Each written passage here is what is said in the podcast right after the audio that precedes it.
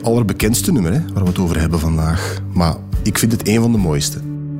Het is niet een van de bekendste op album, maar ik merk bij um, concerten dat afspraak soms meer impact heeft dan uh, pakweg Janker, dat dan wel een single is geweest. Omdat het uh, ja, voor heel veel mensen herkenbaar blijkt te zijn. Hey, ik ben Floris Dalemans. Welkom bij de Mastertrack podcast. In deze episode praat ik met Hannelore Bedert over haar liedje Afspraak voor Katrien. Ze maakte het liedje in 2012 op vraag van Radio 1 voor een radioreeks die we toen hebben uitgezonden, Kleur in E mineur. Voor die reeks vroegen we aan muzikanten om zich te laten inspireren door kunst om nieuwe muziek te maken. En Hannelore werkte rond een schilderij, maar tegelijkertijd schreef ze het verdriet over haar doodzieke nicht Katrien neer. Het is geen makkelijk verhaal, maar op een bepaalde manier vraagt het om elke keer opnieuw verteld te worden. In deze episode van Mastertrack Afspraak voor Katrien van Hannelore Bedert.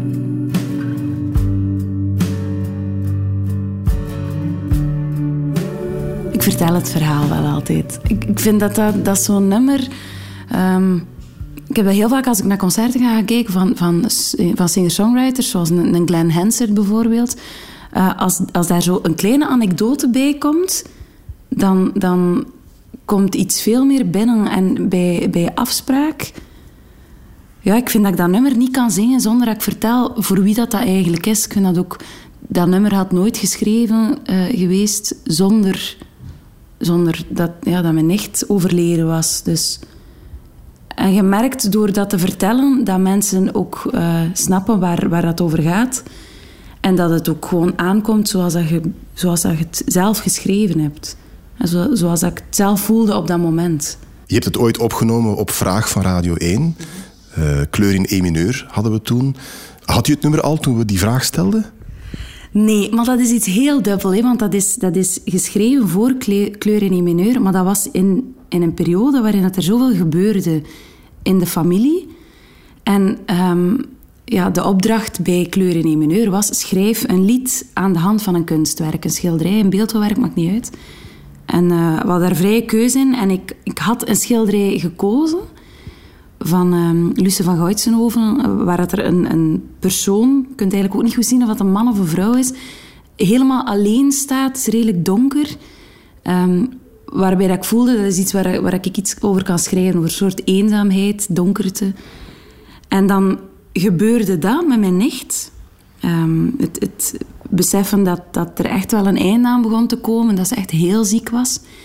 En uh, ja, ik kan dat op dat moment dan ook niet tegenhouden. Dan, dan klopt dat ineens ook dat dat schilderij overeenkomt met wat dat er aan het gebeuren is binnen de familie. Maar ik moet daar wel heel eerlijk in zijn dat het voor 80% over mijn nicht gaat en maar voor 20% over het schilderij.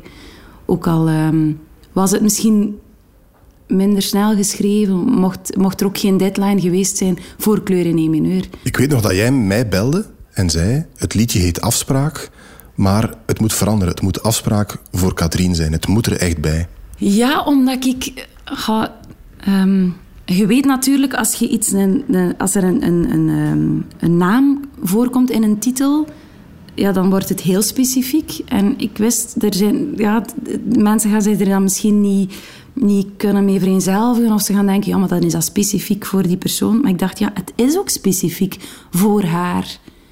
En uh, het feit dat zij het, um, dat zij het nooit heeft kunnen horen... Ik had ermee afgesproken om het haar te laten horen. En ze is, uh, we hadden afgesproken en ze is de dag um, voordien is overleden. Dus die timing, ook alles, alles daar rond... Um, ja, klopt op de een of andere manier. Ook al klinkt kloppen dan zo'n beetje, beetje raar daarin. Uh, maar er is, zo, er is niks aan heel dat nummer, um, textueel en muzikaal, los van arrangement of hoe dat we het dan hebben opgenomen of zo. Maar er is niks daaraan dat voor mij niet, niet juist voelt of niet, niet klopt. En um, ja, daar, daar moest een soort ondertitel bij, omdat dat heel duidelijk was. Ik heb dat geschreven voor Katrien. En voor niemand anders. Ook al is het herkenbaar voor heel veel andere mensen.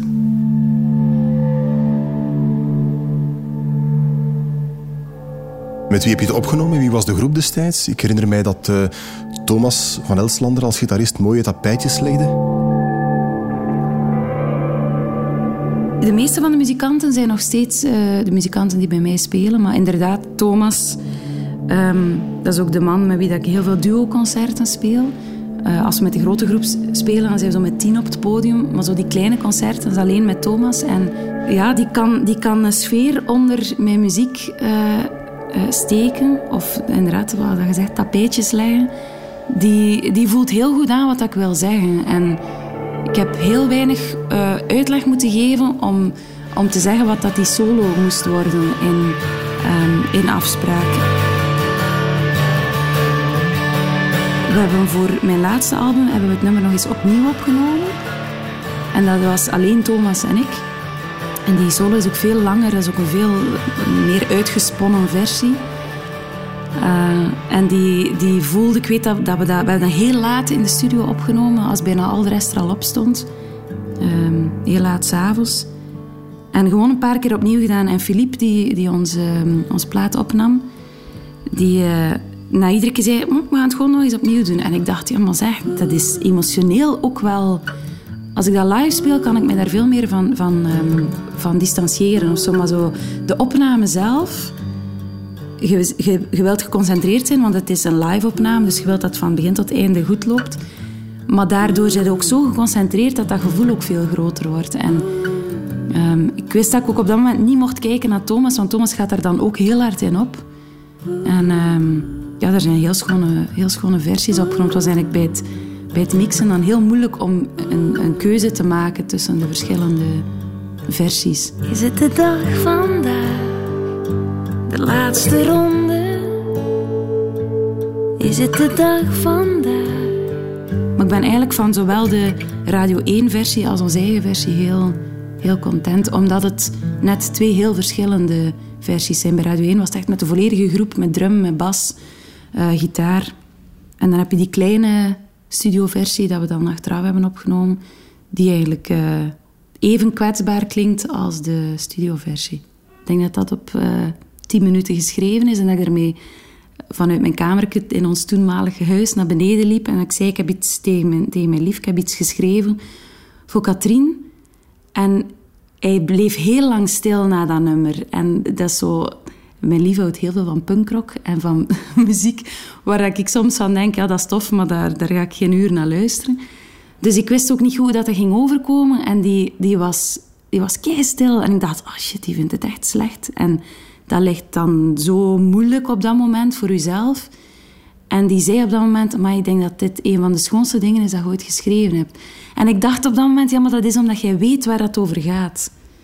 Dan kom je met dat nummer af voor Kleuren in Mineur, voor, eh, voor Radio 1. En ik weet dat er in de studio, dat, dat eh, Raf, de, de geluidstechnicus bij Radio 1, dat hij ook zei, amai, dit is schoon. En dat, ja, je beseft dat zelf niet altijd. En ik merk nu pas met al de concerten dat we spelen, hoe, hoeveel impact dat, dat heeft. Terwijl ik eigenlijk dacht, dat is gewoon iets dat ik schrijf. Zoals ik ook heel veel dingen over relaties schrijf en over uh, foute lieven en over dingen die fout lopen. En, maar dan schrijf je zoiets over, over iets dat misschien zelfs nog dichter bij u ligt. Over, over verdriet. En dan merk je dat dat zo universeel is. En dat zoveel mensen dat gevoel kennen. Als je het live speelt, voel je heel vaak de impact die het heeft op, op mensen. Is er zo een moment waarvan je zegt, hier kwam het echt heel hard binnen?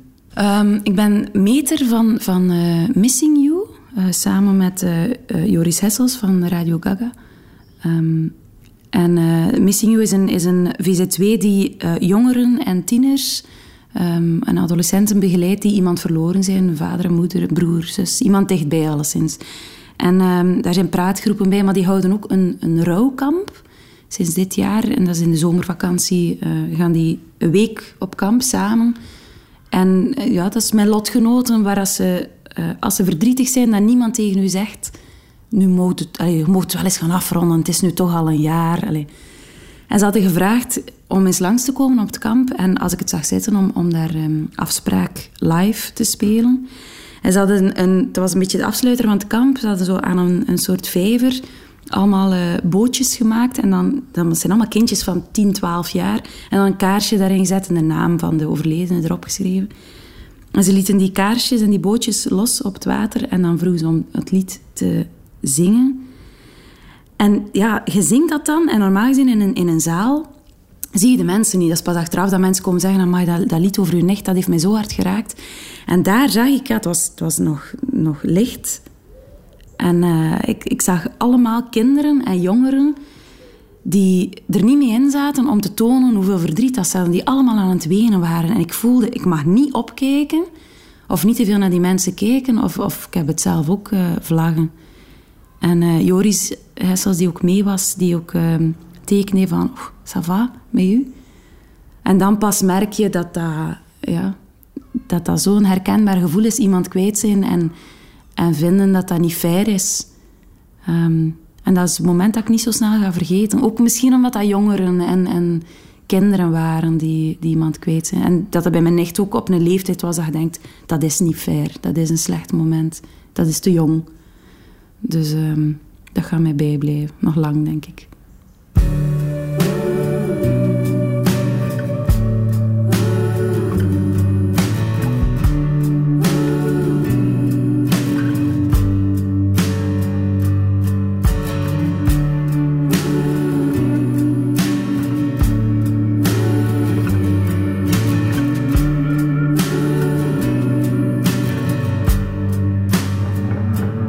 Is niet bewezen, het staat niet vast dat de remedie niet bij u past.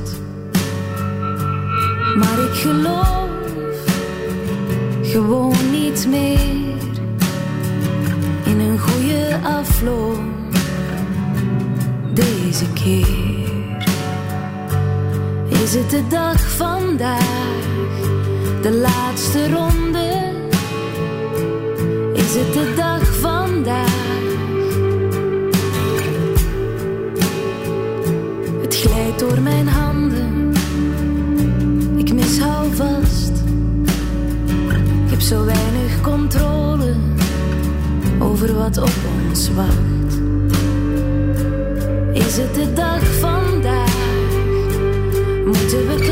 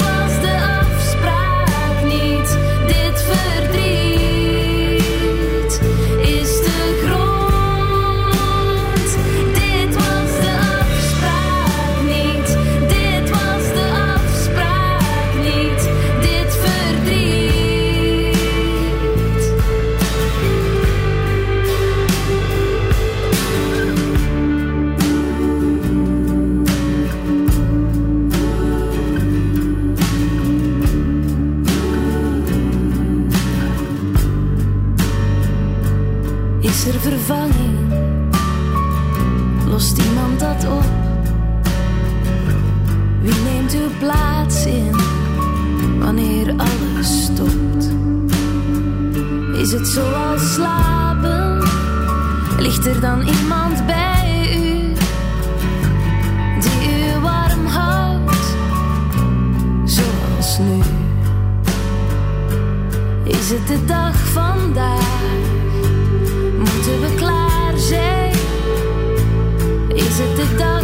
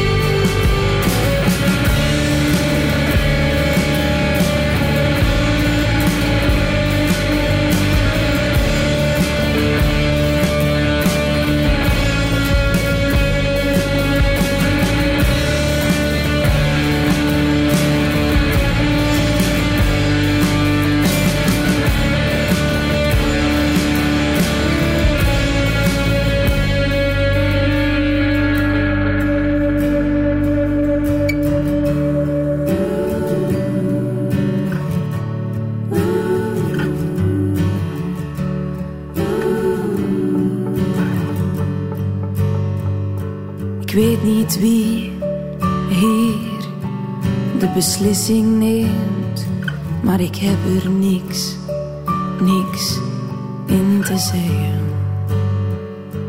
Is het de dag vandaag, de laatste ronde? Is het de dag vandaag?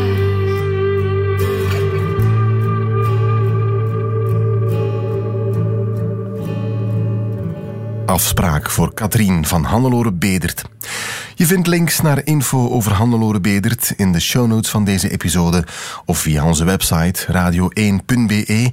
Klik daar op podcasts en ontdek ook alle andere afleveringen van Mastertrack en van alle andere Radio 1 podcasts zoals Iemand van Filip Heijmans en Wart Bogaert, Amerika kiest over de Amerikaanse presidentsverkiezingen of Wanderland van Gert-Jan van Hellemond. Commentaar en suggesties op deze podcast zijn welkom op mastertrack.radio1.be. Tot binnenkort.